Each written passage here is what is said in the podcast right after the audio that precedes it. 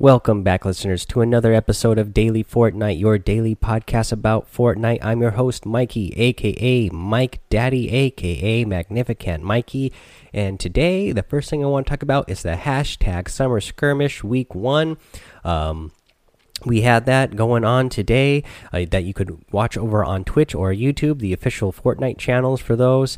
And uh, yeah, it was a lot of fun. I didn't get to watch very much of it uh, yet myself. I'll probably go watch the replay uh, just so I can uh, see uh, everything that happened.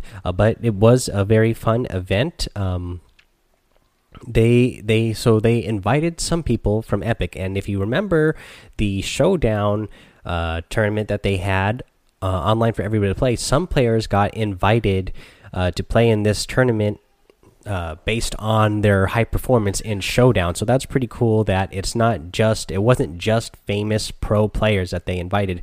It was also players from the Fortnite community itself uh, who performed well in Showdown.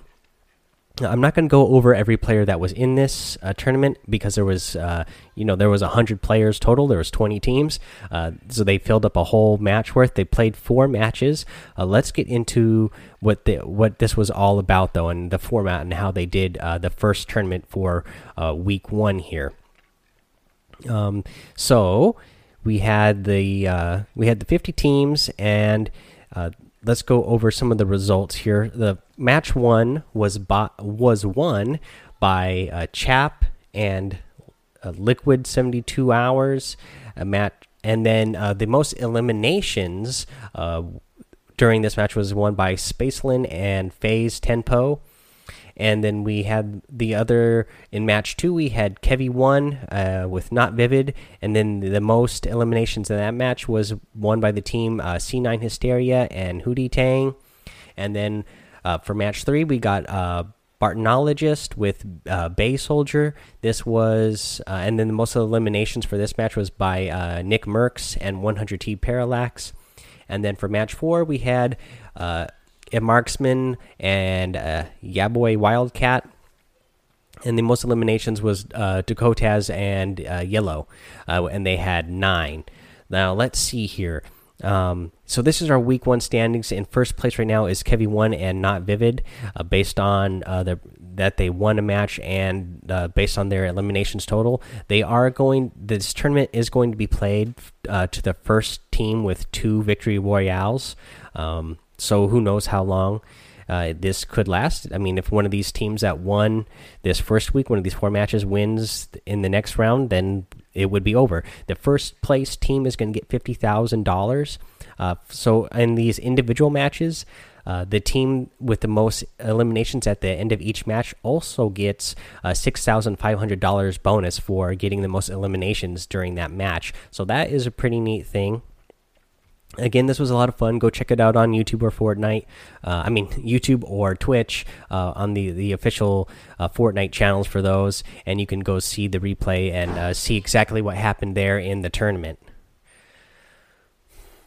Um, let's see here. What did I want to get to next? I want to talk about. Uh, oh, so another cool thing that actually came out with Season Five that Fortnite gave us. I want to talk about the Season Five Creator Asset uh, Ass Assets Kit and uh, this was really neat. It gives you a lot of great things for creating content related to Fortnite. And if that's something that you're into, you know, if you're making YouTube videos or if you're making, uh, you know, stuff on Twitch or you're creating thumbnails or whatever. Uh, so this little creator asset kit that you can get over on the EpicGames.com and then going over to the Fortnite section, uh, you get it, it comes with um, banners, maps, thumbnails, logos. It gives you the mini map with the names of the locations. It gives you a mini map without the names of locations, so you can create your own content, make your own videos, and you'll have all those things to add in to make your YouTube channels and Fortnite videos. I mean, your Twitch videos.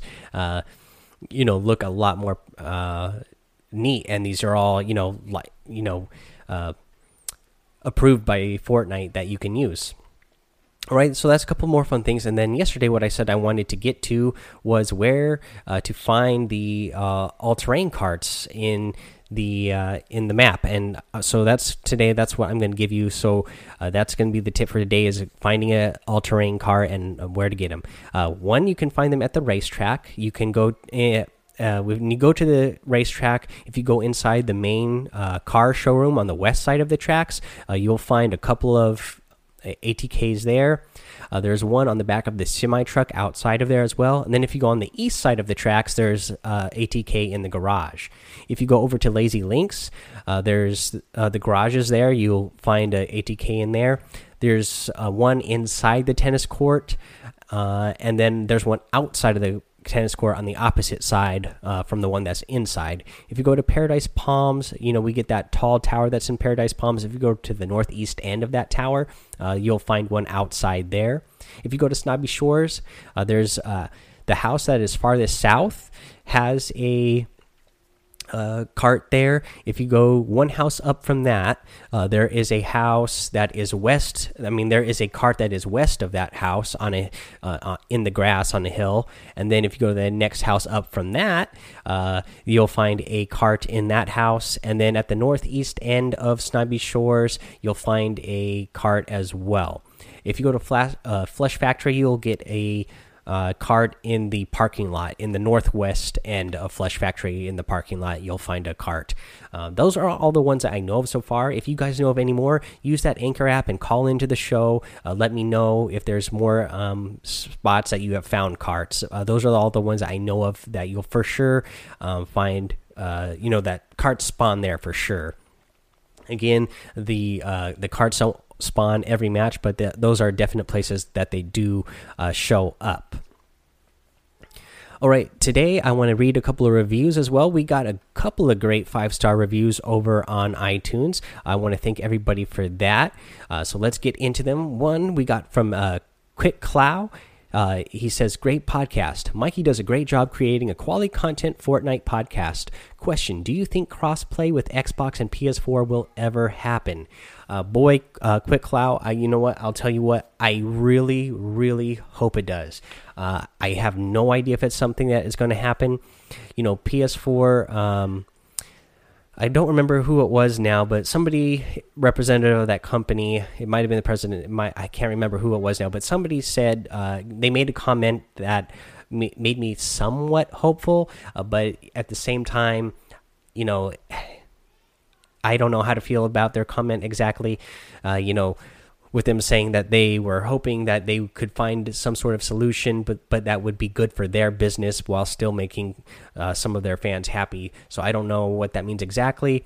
Hopefully that means that we will be able to at least cross play. I mean, that's all I'm asking for. I want to just be able to cross play my PS4 with Xbox and Nintendo Switch.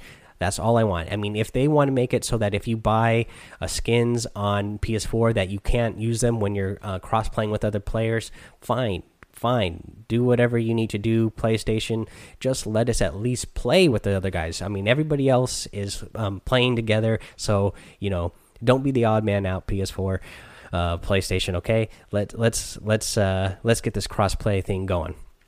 All right, let's get the great question there, Quick Cloud. Let's move on to the next review, though. This one comes from Beckner52. Uh, he puts in here, great show.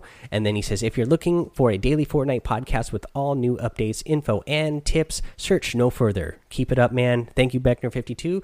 I plan on keeping it up. Uh, that's what I'm going to try to do, anyways. And then this one, next one comes up from Addicted to My Fitness Plan and then he puts in here show length. So he's actually got a tip for me. Uh, when I asked the question if I should split the um, if I should split the episodes into two pieces when we have the big updates there. And so he says, I think a short daily show is more effective. I would recommend splitting the reading of updates into two shows so that the listener can choose to skip the content if it's irrelevant. A nice show, very informative for the novice player. Thank you for that uh, five star review, Addicted to My Fitness Pal. Uh, what I will say uh, is yeah, I, well, I wouldn't really say that you know any of the content is irrelevant. It might be irrelevant to somebody who doesn't uh, play uh, Save the World, but I know a lot of you guys out there do. So I, am not going to say it's irre irrelevant information, but for somebody who isn't interested, uh, yeah, they can they can go ahead and skip it. But you know, you can also do that within the episode as well. Once I and you know announce that I'm getting to that part. But yeah, I'm still figuring out exactly what I'm going to do. Uh, splitting the uh, episode into you know two episodes might be the route I go, but uh, I'll just keep waiting to hear you guys from you guys and get more feedback, and we'll see where it goes from there.